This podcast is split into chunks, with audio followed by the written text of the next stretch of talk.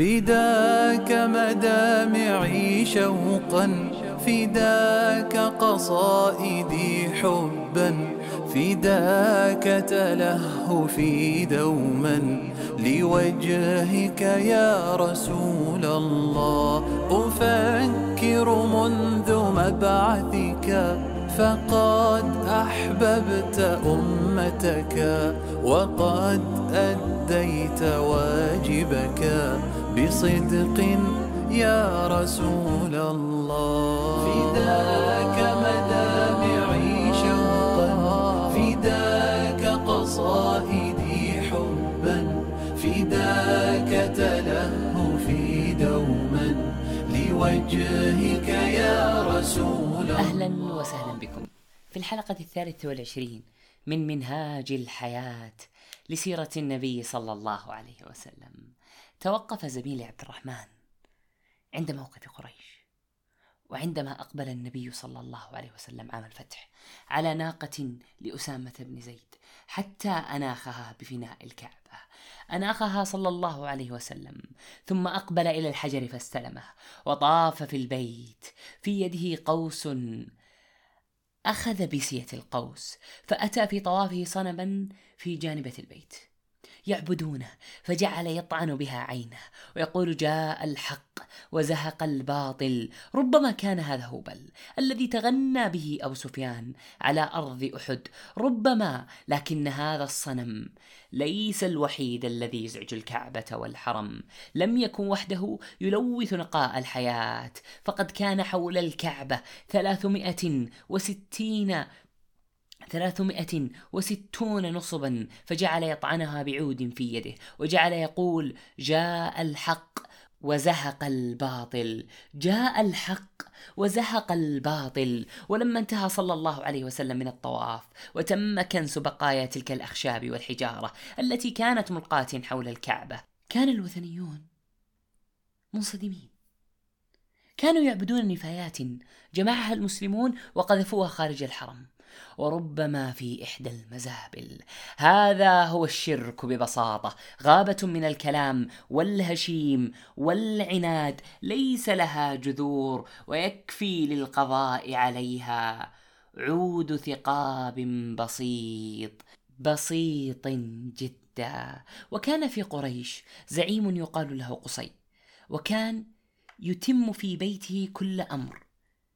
كل أمر يهم القبيلة ويؤثر في مسارها وكان له أربعة أولاد أكبرهم عبد الدار وأحدهم جد النبي صلى الله عليه وسلم واسمه عبد مناف فجعل قصي أمر الكعبة من اختصاص عبد الدار الذي يقف حفيده بجانب النبي صلى الله عليه وسلم. واسم حفيده عثمان بن عبد الله بن عبد العزيز بن عثمان بن عبد الدار ويلقب الآن ويسمى بطلحة وكانت المفاتيح عند أمه وهي مشركة.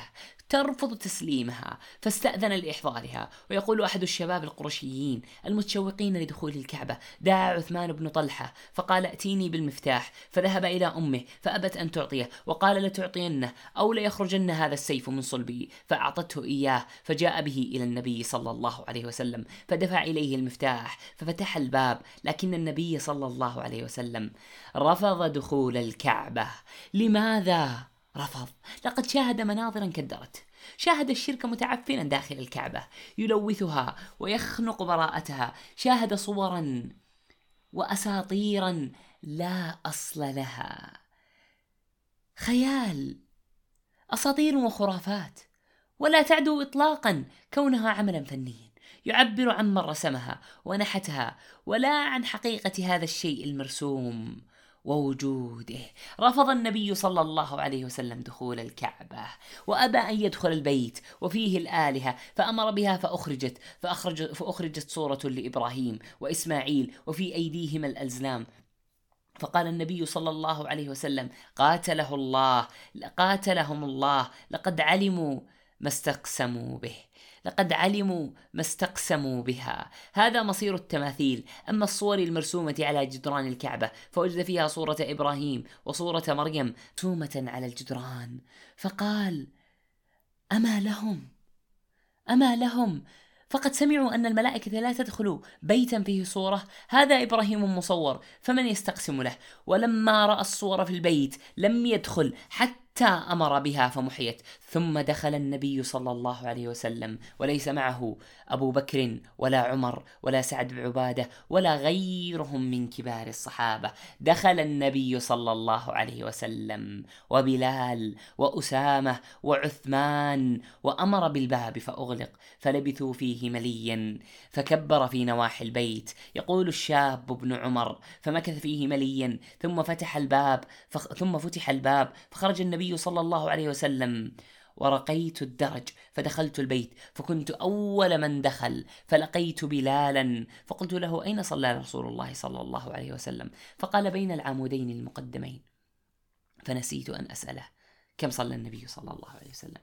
استطاع الشاب ابن عمر أن يسبق غيره إلى الدخول إلى الكعبة أن يسبق غيره من الدخول للكعبة. كان المسجد يغص بالمؤمنين المزينين بنصر الله وفتح مكة والمشركين اللائذين بالبيت المتمسكين به الخائفين من الموت. وكان هؤلاء المشركين على أحر من الجمر ينتظرون بيان النصر الأول. فقد تناثرت الأصنام وسيطر الجيش المؤمن. فما هي لغة نصر هؤلاء المؤمنين؟ وما هو مصير هؤلاء الخائفين داخل الحرم وخارجه؟ أسئلة يجيب عنها النبي صلى الله عليه وسلم. وبعد خروجه من الكعبة سمع أبو هريرة بذاكرته التي لا تعرف الصدى يقول رضي الله عنه حتى إذا صلى ثم خرج فأخذ بعضديت الباب ثم قال يا معشر قريش ما تقولون؟ قال نقول ابن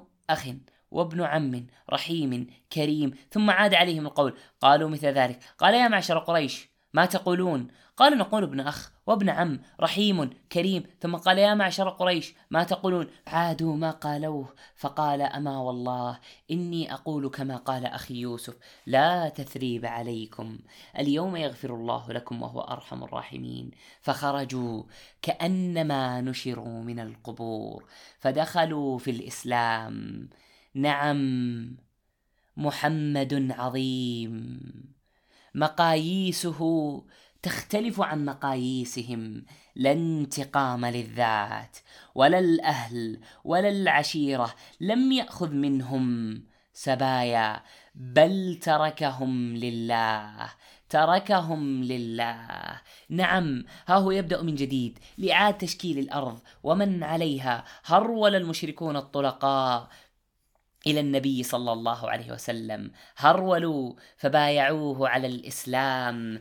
أما أبو بكر رضي الله عنه فقد هرول خارجا من المسجد يدفعه البر وتحمله الصلة ثم عاد رضي الله عنه إلى النبي صلى الله عليه وسلم. فقد أتاه أبو بكر بأبيه يعوده فلما رآه رسول الله صلى الله عليه وسلم قال هلا هل تركت الشيخ في بيته حتى أكون أنا آتيه فيه؟ فقال أبو بكر يا رسول الله هو حق أن يمشي إليك من أن تمشي أنت إليه. فاجلسه بين يديه ثم فأجلسه بين يديه ثم مسح صدره ثم قال له أسلم. فأسلم ودخل به أبو بكر رضي الله عنه ورأسه كأنه ثغامة. فقال رسول الله صلى الله عليه وسلم غيروا هذا من شعره. ثم قام أبو بكر فأخذ بيد أخته فقال أنشد بالله وبالإسلام طوق أختي فلم يجبه أحد. فقال يا أخيه احتسبي طوقك. ثم أخذ أباه فأمر به إلى نسائه قال غيروا هذا بشيء. أما عثمان بن عفان فقد تهادى نحو النبي صلى الله عليه وسلم.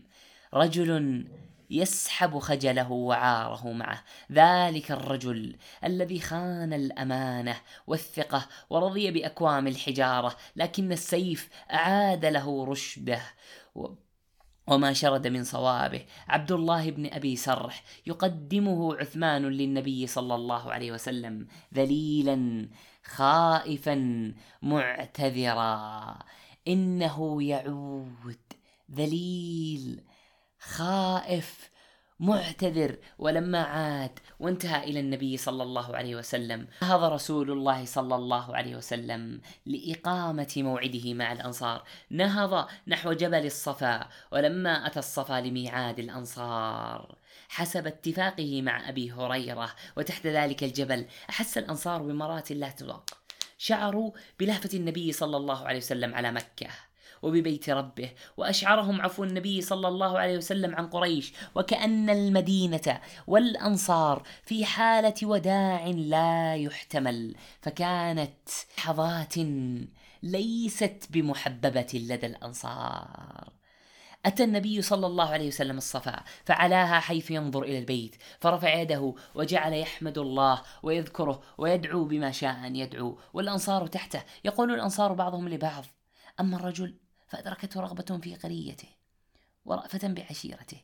قال أبو هريرة وجاء الوحي وكان إذا جاء الوحي لم يخف علينا فليس أحد من الناس يرفع طرفه إلى النبي صلى الله عليه وسلم حتى يقضي. فلما قضي الوحي قال رسول الله صلى الله عليه وسلم يا معشر الأنصار قالوا لبيك يا رسول الله. قال قلتم أما الرجل فأدركته فأدركته رغبته في قربته. ورأفة بعشيرته. قالوا قد قلنا ذلك يا رسول الله. قال فما أسمى إذا فما أسمى إذا كلا إني عبد الله ورسوله. هاجرت إلى الله وإليكم. المحيا محياكم والممات مماتكم. فأقبلوا إليك يبكون. يقولون, يقولون والله يا رسول الله ما قلنا الذي قلنا إلا للظن بالله ورسوله. قالوا ثم قال فإن الله ورسوله يعذركم. إن الله ورسوله يعذرانكم ويصدقانكم. فوالله ما منهم من أحد إلا بل نحره بالدموع. قال أبو هريرة فرأيت الشيوخ يبكون حتى بلت الدموع لحاءهم. فهذا النوع من الوفاء لا تقاومه الدموع والكلمات. والدموع والكلمات وحدها لا تكفي. بذلك الوفاء طهر صلى الله عليه وسلم قلوب الأنصار وأدرك الأنصار كم هذا النبي عظيم ووفي ولا يعرف في مصطلح تعاليمه شيئا من الجحود والنكران.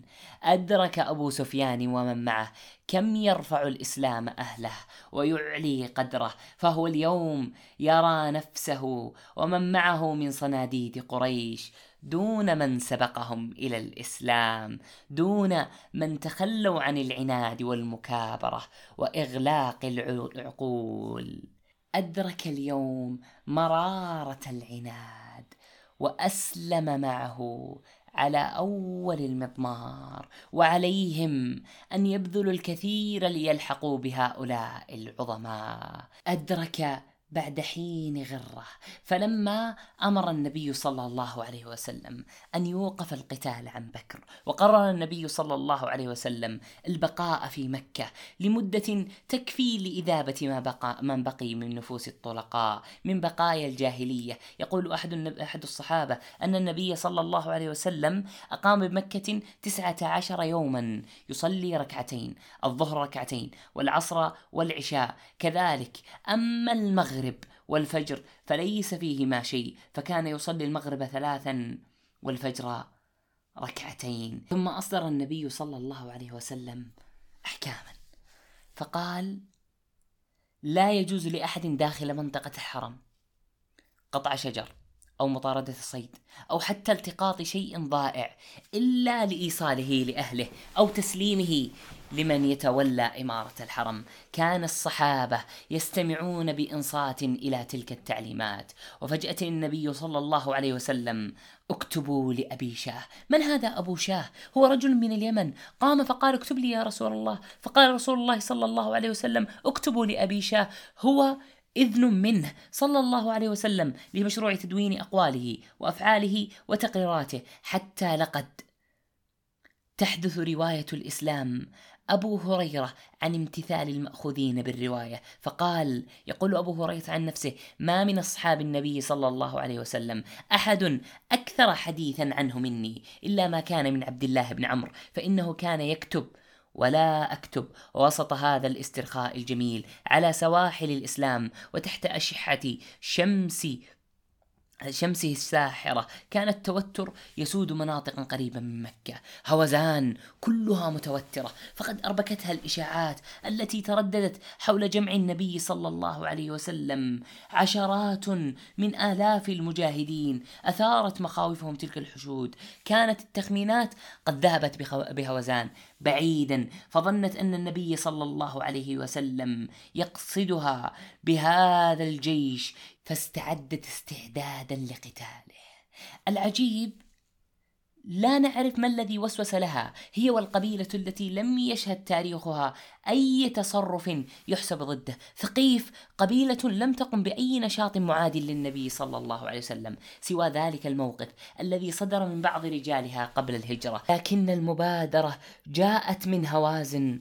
المبادرة الآن جاءت من هوازن فهي الآن على بكرة أبيها بضعانها ونعيمها. في وادي حنين جميعهم هناك لم يبق منهم ذكر ولا أنثى إلا توجه نحو واد قريب من مكة يسمى وادي حنين. كان كانوا يختبئون في شعابه وأحنائه ومضائقه. كانوا يستعدون ويجتمعون ويتهيئون. كل هذا كان يجري في الوقت الذي كان فيه النبي صلى الله عليه وسلم. أصحابه ينعمون بجو مكة الهادئ ويقترب عيد الفطر فيخرج المسلمون ويخرجون زكاتهم. زكاة الفطر للمساكين والفقراء في مكة ويواسونهم بطريقة ناعمة. لم يتعودوا على رقتها من قبل. ويأتي العيد يصلي المسلمين العيد ويخطب النبي صلى الله عليه وسلم بالمسلمين ثم يحتفل المسلمون بعيد الفطر في مكة ويرى الطلقاء. كم هو جميل هذا العيد وكم هو جميل هذا الإسلام الذي طالما أغواهم العناد والشيطان بتشويهه ويرى الطلقاء هذه الاحتفالية هذه الاحتفالية الإسلامية المدهشة. فمكة صاخبة بالحركة والحب ثم يرونهم بعد أداء صلاة حول المسجد يتحدثون بود يتبايعون بأمانة ويقرضون دون ربا ويواسون بعضهم بعضا ويقضون أوقاتا ممتعة ومرحة جدا. كيف لهم أن ينظروا إلى هذه البهجة على النفوس ولا يتأثروا. ولكن حدث أمر أمر مخيف. نعم نعرف أن البشرية يحدث منها الزلل والخطأ قد حدث أمر عندما أقدمت امرأة أقدمت امرأة مخزومية على السرقة فكانت سرقتها رحمة للمسلمين ودرسا جديدا للطلقاء حددت المرأة السارقة وحددت واعترفت بجريمتها التي كانت من قريش. كانت امرأة مخزومية تستعير المتاع وتجحده فأمر النبي صلى الله عليه وسلم أن تقطع يدها فأتى بها النبي صلى الله عليه وسلم فعاذت بأم سلمة, بأم سلمة زوجة النبي صلى الله عليه وسلم. بعد أن عرفت أن عقوبة السرقة هي قطع اليد. خافت. انتشر خبر السرقة في مكة واهتز الطلقاء. كيف تقطع يد امرأة؟ من أعرق قبائل العرب.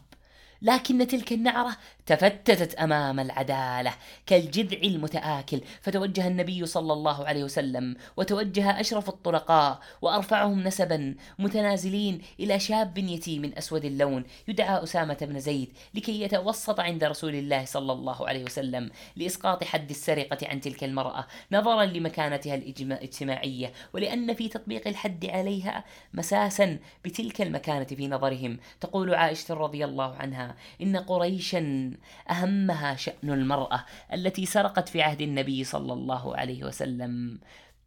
فقالوا ومن يجترئ على النبي صلى الله عليه وسلم إلا أسامة بن زيد حب رسول الله صلى الله عليه وسلم. فأتى فأتي به رسول الله صلى الله عليه وسلم وكلمه أسامة فتلون وجه رسول الله صلى الله عليه وسلم. فقال أتشفع في حد من حدود الله؟ فقال أسامة استغفر لي يا رسول الله. فلما كان العشي قام رسول الله صلى الله عليه وسلم فاختطب فأثنى على الله بما هو أهله.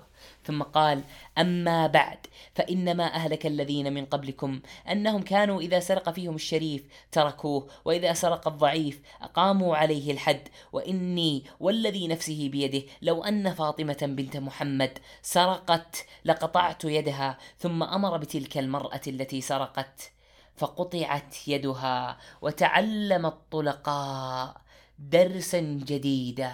اسمه المساواة في العقوبة والمساواة في التعامل والمكافأة.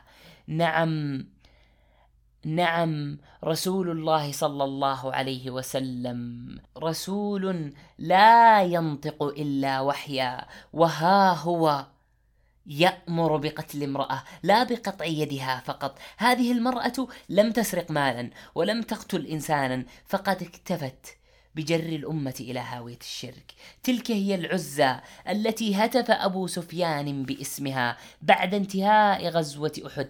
فما هي العزى ومن بعث رسول الله صلى الله عليه وسلم من شجعانه للقضاء عليها. أحد الصحابة يقول لما فتح رسول الله صلى الله عليه وسلم مكة بعث خالد بن الوليد إلى نخلة وكانت بها العزى فأتاها خالد بن الوليد وكانت على تلك السمرات وعلى تلالها فقطع السمرات السماوات وهدم البيت الذي كان عليها. ثم أتى النبي صلى الله عليه وسلم فأخبره فقال له ارجع فإنك لم تصنع شيء. فرجع خالد بن الوليد إليه إليها وهي في حجابها. فقال يا عزى خبريه يا عزى عوريه وإلا فموتي برغم. فأتاها خالد بن الوليد فإذا امرأة عريانة ناشرة شعرها تحث التراب على رأسها فعمعمها بالسيف حتى قتلها. ثم رجع إلى النبي صلى الله عليه وسلم فأخبره فقال تلك هي العزى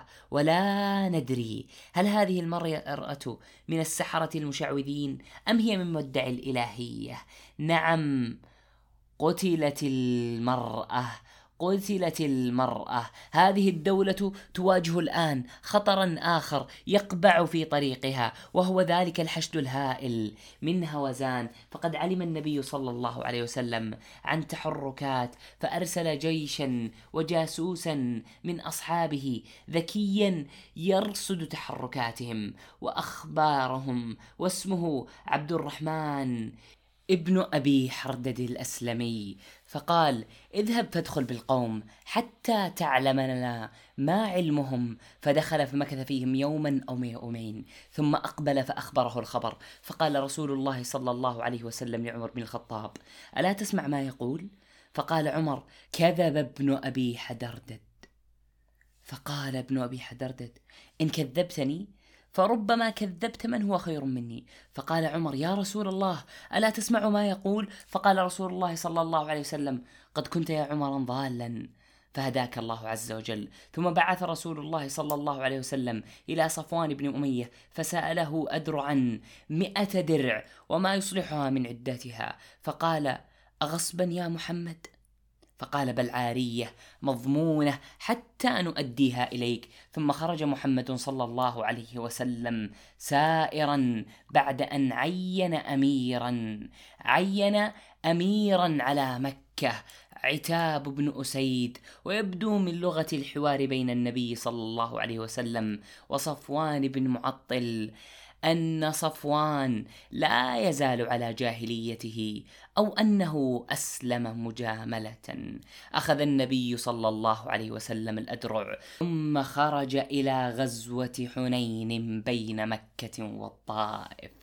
بعض الصحابة في طريقهم إلى تلك الديار كانوا يريدون تقليد المشركين.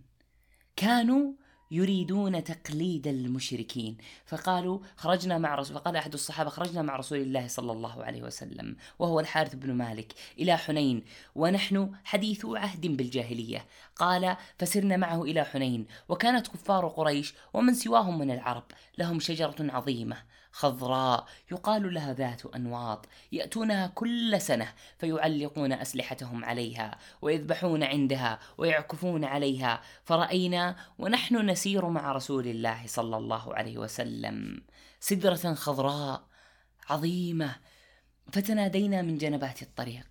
فقلنا يا رسول الله اجعل لنا ذات أنواط. كما لهم ذات أنواط؟ فقال رسول الله صلى الله عليه وسلم الله أكبر قلتم والذي نفس محمد بيده كما قال موسى كما قال قوم موسى لموسى اجعل لنا إلها كما لهم آلهة. قال إنكم قال إنكم قوم تجهلون إنها السنن لتركبن سنن من كان قبلكم.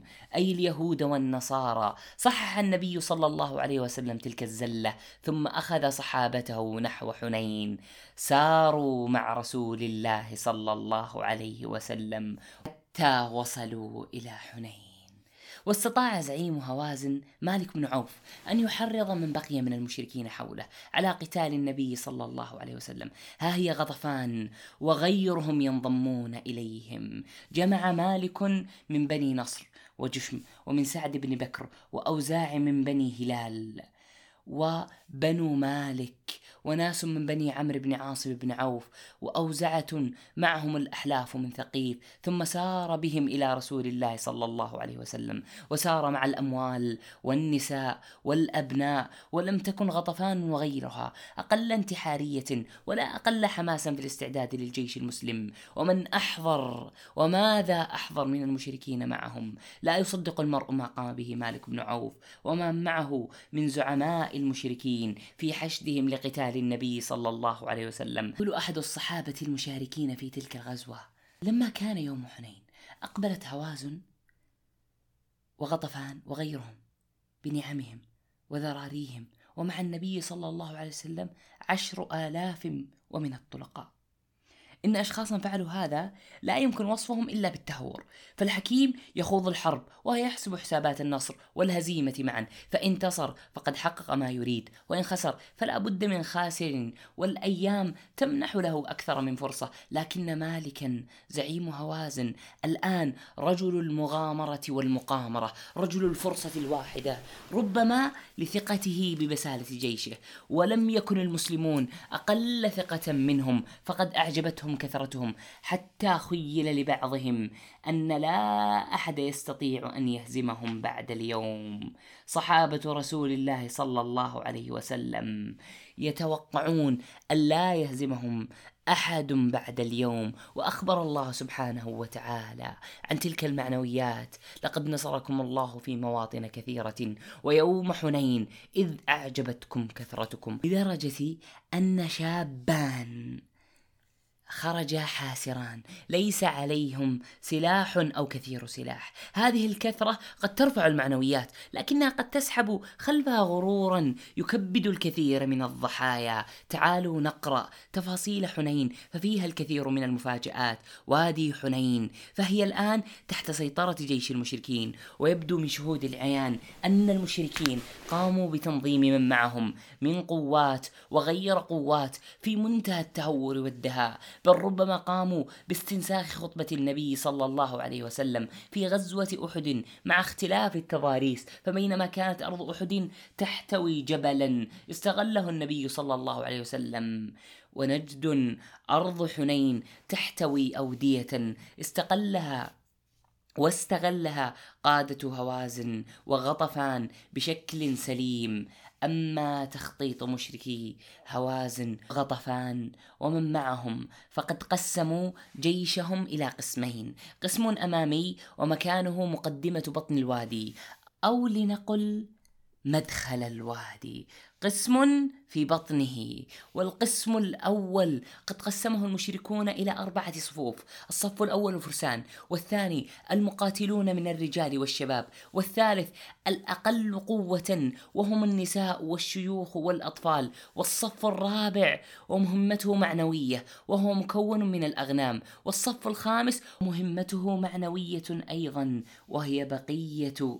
من بقي من الأنعام. أما قسمهم الآخر فكانوا الرماة وقد تترس هؤلاء بتجاويف الوادي وتعرجاته ويبدو أنهم في مكان مرتفع بحيث يسهل إصابة المؤمنون من خلاله. وعن ذلك يقول جابر رضي الله عنه لما استقبلنا وادي حنين انحدرنا في واد من أودية تهامة أجوف حطوط إنما نحدر فيه انحدارا وفي عماية الصبح الصبح وكان القوم قد سبقونا إلى الوادي فكمنوا لنا في شعابه وأحنائه ومضايقه وقد أجمعوا وتهيأوا وأعدوا. أما جيش المسلمين فكانوا كالعدة منظمين ومقسمين. كما أراد النبي صلى الله عليه وسلم. وفي تلك الأثناء يقبض المسلمون على جاسوس هوازن. يقول الفارس سلمة بن الأكوع غزونا مع رسول الله صلى الله عليه وسلم وحين ذلك هو كلف بمهمة القبض أو القضاء على هذا الجاسوس. هوازن. يبثون جاسوسا في جيش النبي صلى الله عليه وسلم. يقول سلمة الوكاع بينما نحن جلوس مع النبي صلى الله عليه وسلم إذ جاء رجل على جمل أحمر فأناخه. ثم انتزع من حقيبه فقيد به الجمل ثم تقدم يتغدى مع القوم وجعل ينظر فينا وفينا ضعفة ورقة في الظهر وبعضنا مشاه إذ خرج يشتد فأتى جمله فأطلق قيده ثم أناخه وقعد عليه فأثاره فاشتد به الجمل فاتبعه رجل على ناقة ورقاء فقال سلمة وخرجت أشتد فكنت عند ورك الناقة. ثم تقدمت حتى كنت عند ورك الناقة. ثم تقدمت حتى أخذت بخطام الجمل فأنخته. فلما وضع ركبته في الأرض اخترت بسيفي فضربت رأس الرجل فندر. ثم جئت بالجمل أقوده وعليه رحله وسلاحه. فاستقبلني رسول الله صلى الله عليه وسلم والناس معه. فقال من قتل الرجل؟ قالوا ابن الأكوع. قال له سلبه أجمع. حصل ابن الأكوع على سلب الجاسوس وتخلص المسلمون من شره وتهيأ النبي صلى الله عليه وسلم ومن معه لقتال المشركين. فكيف سارت المعركة على أرض حنين؟ في البداية كانت المواجهة بين الجيشين على أرض الوادي. كانت مواجهة بين على أرض الوادي دون دخل رواية المشركين وعندما التحم الجيشان. هجم المسلمون ببسالتهم المعروفة فاكتسحوا عدوهم وهزموهم بل طاردوهم وكان فارس الإسلام أبي قتادة أحد هؤلاء المقاتلين فضربوهم المسلمون ومرة أخرى يرتكب بعض المسلمين الخطأ نفسه بعدما ولوا المشركين لكنهم معذورون فهم لم يحضروا ولم يتجرعوا كأس أحد المر مرة أخرى الغنائم والرماة يهزمون المسلمين. الغنائم هي الغنائم لكن الرماة ليس هم الرماة إنهم رماة هوازن. هؤلاء رماة هوازن دقيقو التصويب وعندما وصل الجيش النبي صلى الله عليه وسلم إلى مرمى تلك السهام وهو يطارد تلك الفلول الهاربة انهمر سيل السهام من تلك التجاويف والمنحنيات. فقد كان الوادي مفخخا بالرماة البارعين. رماة بارعين. عانى الرماة في مهمتهم ذلك الارتباك الذي حصل في أرض المعركة الذي أحدثه تكالب الطلقاء على الغنائم وهم لا يعلمون إنها ليست للنهب ولا لمن سبق ولكن ولك أن تتصور جيشا قوامه أكثر من عشرة آلاف ومقاتل يتدفق مسرعا مدمرا كالموج خلف عدوه ثم تعترض طريقه مجموعة من أفراده بطريقة غير منظمة لالتقاط الغنائم. فماذا يحدث؟ دعونا نستمع من أحد الصحابة. البراء نافيا تهمة الفرار عن رسول الله صلى الله عليه وسلم. جيش مبعثر هل هرب من الرماة؟ يقول حينما سئل هل فررتم عن رسول الله صلى الله عليه وسلم يوم حنين فقال لكن رسول الله صلى الله عليه وسلم لم يفر. كانت هوازن رماة وإنا لما حملنا عليهم انكشفوا فانكببنا عليهم وانكببنا على الغنائم فاستقبلونا بالسهام. والله ما ولى النبي صلى الله عليه وسلم ولكن ولى سرعان الناس فلقيهم هوازل بالنبل. والنبي صلى الله عليه وسلم على بغلته البيضاء وأبو سفيان آخذ بلجامها. والنبي صلى الله عليه وسلم يقول أنا النبي لا كذب. أنا ابن عبد المطلب. النبي صلى الله عليه وسلم يردد أنا النبي لا كذب أنا ابن عبد المطلب. كان هذا الصوت المتأجج حماسة وثباتا مثيرا مثيرا جدا لكنه لا يجد حوله سوى غبار الطلقاء. الذين ولوا وتركوا خلفهم غبارا يخنق أرض حنين ثم بعدها هرب بعدهم الأعراب هرب الأعراب. وها هم بعض الناس يشمت بالنبي صلى الله عليه وسلم يشمت بهذا النبي الذي إن هرب عنه قومه. نادى رسول الله صلى الله عليه وسلم يا للمهاجرين يا للمهاجرين. ثم قال يا للأنصار يا للأنصار. فقال أنس بن مالك رضي الله عنه لبيك يا رسول الله. وحتى يصل الصوت أقصى مدى. استعان النبي صلى الله عليه وسلم بعمه الثابت الشجاع العباس بن عبد المطلب الممسك الآن بلجام بغلته.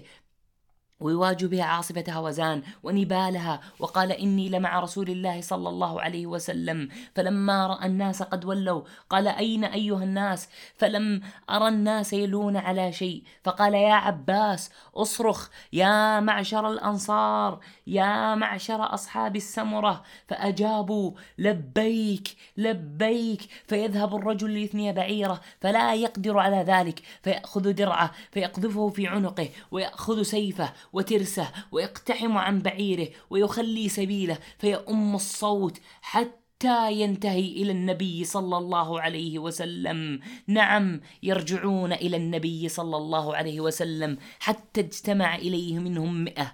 استقبلوا الناس فاقتتلوا. وكانت الدعوة أول ما كانت. يا للأنصار ثم خلصت أخيرا. يا للخزرج يا للخزرج. وكان صابرا عند الحرب. فأشرف رسول الله صلى الله عليه وسلم عليهم. إن رسول الله يوم حنين انكشف الناس عنه فلم يبق معه إلا رجل يقال له زيد أخذ بعنان بغلته الشهباء وهي التي أهداها له النجاشي. ويقول النبي صلى الله عليه وسلم له ويحك يا زيد ادعو الناس. فنادى فنادي أيها الناس هذا رسول الله صلى الله عليه وسلم يدعوكم فلم يجب أحد عند ذلك. فقال ويحك حث الأوس والخزرج. فقال يا معشر الأوس والخزرج هذا رسول الله فلم يجب أحد في ذلك. فقال ويحك ادعوا المهاجرين فإن لله في أعناقهم بيعة. فحدثني بريدة أنه أقبل منهم ألف قد طرحوا الجفون وكسروها ثم أتوا رسول الله صلى الله عليه وسلم. حتى فتح عليهم. أتوا رسول الله صلى الله عليه وسلم. هذا ما يحدث في المقدمة. أما في المؤخرة فقد كانت هناك امرأة ثابتة تفوقت على كثير من المحاربين الرجال. إنها المرأة التي سجلت حضورها لمعظم معارك النبي صلى الله عليه وسلم. أم أنس بن مالك أو أم سليم أو زوجة ابن أبي طلحة المقدام كانت رضي الله عنها تتأهب بخنجر للمشركين. بل لمن يولي هاربا من الطلقاء. يقول ابنها أنس إن أم سليم اتخذت يوم حنين خنجرا. فرآه أبو طلحة فقال يا رسول الله هذه أم سليم معها خنجر. فقال لها رسول الله صلى الله عليه وسلم ما هذا الخنجر؟ قالت اتخذته إن دنا مني أحد من المشركين بقرت به بطنه. فجعل رسول الله صلى الله عليه وسلم يضحك. قلت يا رسول الله أأقتل من بعدنا من الطلقاء؟ انهزموا بك. فقال رسول الله صلى الله عليه وسلم إن الله قد كفى وأحسن. فقد نظم النبي صلى الله عليه وسلم جيشه مرة, مرة أخرى. ثم هجم بهم على المشركين. وهب علي رضي الله عنه إلى حامل راية المشركين. فضربه حتى حتى أسقطها أسقط راية المشركين ونزلت المعجزة وعاد النصر إلى أصحاب النبي صلى الله عليه وسلم. هم الصحابة يريدون الغنائم. ولكن النبي صلى الله عليه وسلم حبس الغنائم في الجعارنة. الجعارنة مكان قريب من مكة. أمر النبي صلى الله عليه وسلم بديل بن ورقاء فجعله اميرا على الغنائم يأخذها إلى الجعارنة. مكان قريب من مكة خارج الحرم مثل التنعيم. وفي تلك الأثناء وجيش النبي صلى الله عليه وسلم مليء بالجرحى وفي تلك الأثناء النبي صلى الله عليه وسلم يعاقب أحدهم يقيم الحد على شارب الخمر. يقول أحد الصحابة رأيت النبي صلى الله عليه وسلم عام حنين سأل عن رحل خالد بن الوليد فجريت بين يديه. أسأل عن رحل خالد حتى أذاه جريحا وأتى النبي صلى الله عليه وسلم بشارم فقال اضربوه فضربوه بالأيدي والنعال وأطراف الثياب وحثوا عليه من التراب. ثم قال النبي صلى الله عليه وسلم بكتوه فبك بكتوه النبي صلى الله عليه وسلم يأمر أن يبكت هذا الصحابي نهض ذلك الصحابي مع إخوته خلف نبيهم صلى الله عليه وسلم الذي توجه بأن تحاصر الطائف. نعم تحاصر الطائف إلى الطائف لحصارها في الوقت الذي بعث فيه أبا عامر الأشعري لملاحقة مجموعة من المقاتلين الذين كانوا تحت توجيه الشاعر الجاهلي الكبير دريد بن الصمة في معركة سميت غزوة أوطاس وفيها قتل دريد بن الصمة. ها هو النبي صلى الله عليه وسلم يقيم الحصار على الطائف. أربعين ليلة يحاصر فيها الطائف. يحاول أن يدخل إلى الطائف حتى حتى يفتحها ومع آخر محاولة لفتح الطائف لم ينل منها شيء. قال إنا قافلون إن شاء الله. فثقل عليهم وقالوا نذهب ولا نفتحها يا رسول الله وصلنا إليها ولا نفتحها. قال اغدوا على القتال. فغدوا فأصابهم جراح فقالوا إنا قافلون غدا. فضعجبهم وضحك النبي صلى الله عليه وسلم ثم أمر أصحابه. بالعودة إلى الجعارنة إلى ذلك المكان الذي يكون فيه الغنائم والنبي يريد رد الغنائم على هوازن. ولذلك انتظر عودتهم على أرض الجعارنة. أياما قال عنها النبي قال عنها أحد الصحابة وكان النبي صلى الله عليه وسلم انتظرهم بضع عشرة ليلة حين قفل من الطائف ولم يعودوا. وقام النبي صلى الله عليه وسلم بتوزيع الغنائم على غير المعتاد كانت طريقة تناسب هذه الظروف فقد دخل في الإسلام أعداد لا حصر لها. ما بين يوم وليلة. النبي صلى الله عليه وسلم كريم جدا يريد أن يحبب الناس إلى الإسلام. ولكن بعض المحاربين احتجوا على قسمة النبي صلى الله عليه وسلم. فقال أحد الصحابة في قسمة حنين قال رجل من الأنصار ما أراد بها وجه الله. وذلك حين آثى رسول الله صلى الله عليه وسلم ناسا في القسمة وعطى الأقرع بن حابس مئة من الإبل وأعطى عيينة مثل ذلك وأعطى أناسا من أشراف العرب وآثارهم يومئذ في القسمة. فقال رجل إن هذه لقسمة ما عدل فيها وما أريد فيها وجه الله. فقلت والله يقول أحد الصحابة فقلت والله لأخبرن رسول الله صلى الله عليه وسلم فأتيته فأخبرته فتغير وجهه حتى كان كالصرف فغضب من ذلك غضبا شديدا واحمر وجهه ف... فاحمر وجهه حتى تمنيت أني لم أذكر له ثم قال فمن يعدل إن لم يعدل الله ورسوله فمن يعدل إن لم يعدل الله ورسوله ثم قال يرحم الله موسى فقد أوذي بأكثر من هذا فصبر قلت لا جرم لا أرفع إليه بعده حديثا.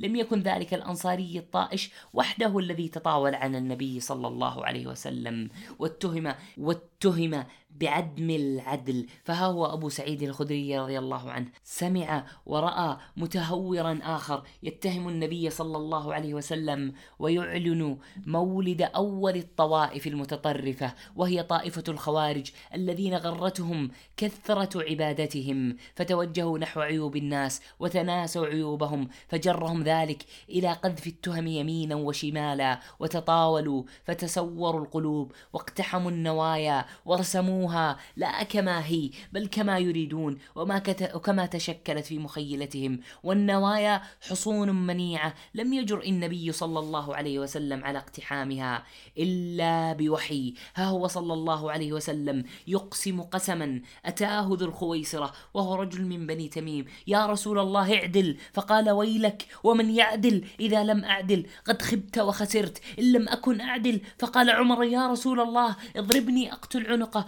فقال دعه فإن له أصحابا يحقر أحدكم صلاته إلى صلاتهم وصيامه مع صيامهم يقرؤون القرآن لا يجاوز تراقيهم ويمرقون من الدين كما يمرق السهم من الرمية. ينظر إلى نصله فلا يوجد فيه شيء ثم ينظر إلى رصافه فما يوجد فيه شيء ثم ينظر إلى نضيه وهو قدحه فلا يوجد فيه شيء ثم ينظر إلى قذذه فلا يوجد فيه شيء. قد سبق الفرث الدم أيتهم رجل أسود إحدى عضديه مثل ثدي المرأة أو مثل البضعة تردرد ويخرجون على حين فرقة من الناس. قال أبو سعيد فأشهد أني سمعت هذا الحديث يا رسول الله. أبو سعيد الخدري يشهد هذا الحديث ويعرف صفات الخوارج يعرف صفات الخوارج.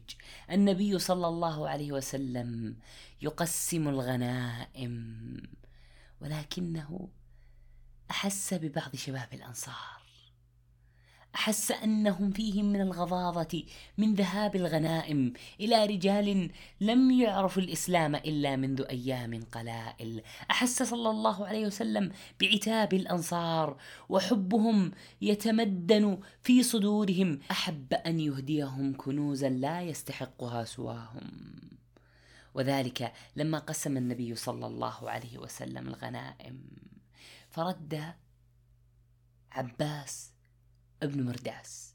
عباس بن مرداس أعطي دون الصحابة الأخر. فقال أتجعل نهبي ونهب العبيد بين عينة والأقرع؟ أتجعل نهبي ونهب العبيد بين عينة والأقرع فما كان بدرا ولا حابس. يفوقان مرداس في المجمع وما كنت دون امرأ منهم. ومن تخفض اليوم لا يرفع. قال فتم له رسول الله صلى الله عليه وسلم المئة كما تم لأبي سفيان ولم يكن في الأنصار منها شيء. فكثرت القالة حول النبي صلى الله عليه وسلم. وفشت حتى قال قائلهم أمام رسول الله صلى الله عليه وسلم. فأرسل صلى الله عليه وسلم إلى سعد بن عبادة. فقال ما مقالة ما بلغني عن قومك؟ فقال له سعد فقد كان ما بلغك. فقال أين أنت من ذلك؟ قال ما أنا إلا رجل من قومي. فاشتد غضبه صلى الله عليه وسلم. قال اجمع قومك ولا يكن معه غيرهم. فجمعهم في حظيرة من حظائر النبي صلى الله عليه وسلم وقام على بابها وجعل لا يترك إلا من كان من قومه وقد ترك رجالا من المهاجرين وزاد أناسا. ثم جاء النبي صلى الله عليه وسلم يعرف في وجهه الغضب. فقال هل فيكم من غيركم؟ قالوا لا إلا ابن أخت لنا. فقال صلى الله عليه وسلم أين ابن أخت القوم منهم؟ فجمعهم في قبة من أدم. فلما اجتمعوا جاءهم رسول الله صلى الله عليه وسلم قال ما حديث بلغني عنكم؟ ما حديث بلغني عنكم؟ فقال له فقهاء الأنصار أما ذو رأينا يا رسول الله فلم يقولوا شيئا. وأما أناس منا حديثة أسنانهم. قالوا يغفر الله لرسوله يعطي قريشا ويتركنا وسيوفنا تقطر من دمائهم. فقال رسول الله صلى الله عليه وسلم أعطي رجالا حديثو عهد بكفر أتألفهم أتألف الرجال. فقال يا معشر الأنصار ألم أجدكم ضلالا فهداكم الله؟ فجعل يقول نعوذ بالله من غضب الله غضب رسوله نعوذ بالله من غضب الله وغضب رسوله. يا معشر الأنصار ألم أجدكم عالة فأغناكم الله؟ فجعلوا يقولوا نعوذ بالله من غضب الله وغضب رسوله. فقال يا معشر الأنصار ألم أجدكم أعداء فألف الله بين قلوبكم؟ فقالوا نعوذ بالله من غضب الله وغضب رسوله. فقال ألا تجيبون؟ قالوا الله ورسوله آمن وأفضل. فلما سري عنه قال ولو شئتم لقلتم فصدقتم ألم نجدك طريدا فآويناك ومكذبا فصدقناك وعائلا فآسيناك ومخذولا فنصرناك فجعلوه يبكون ويقولون الله ورسوله امن وأفضل. قال أوجدتم من شيء من دنيا أعطيتها قوما أتألفهم على الإسلام وكلتكم إلى إسلامكم. لو سلك الناس واديا أو شعبا وسلكتم واديا وشعبا لسلكت واديكم أو شعبكم وأنتم شعار والناس دثار وأنتم شعار والناس دثار ولولا الهجرة لكنت أمرأ من الأنصار الأنصار. رفع رسول الله صلى الله عليه وسلم إلى الرؤيا ما تحت منكبيه فقال اللهم اغفر للأنصار ولأبناء الأنصار. اللهم اغفر للأنصار وإلى أبناء الأنصار. النبي صلى الله عليه وسلم يحرك أرواحهم من هذا المكان المزدحم بالعواطف الجياشة.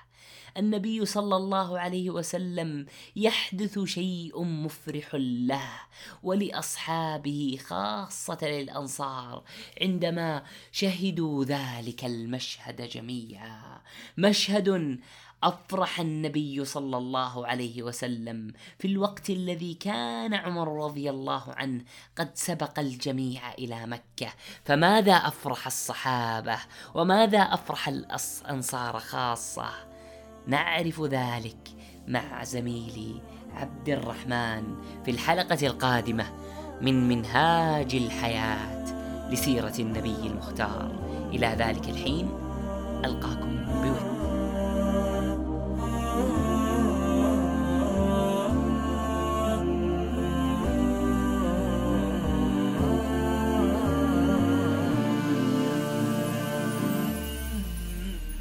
فداك مدامعي شوقا فداك قصائدي حبا فداك تلهفي دوما.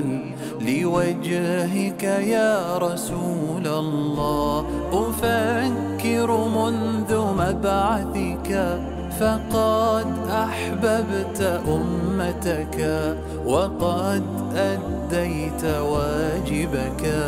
بصدق يا رسول الله. فداك مدامعي شوقا فداك قصائدي حبا فداك تلهفي دوما لوجهك يا رسول الله.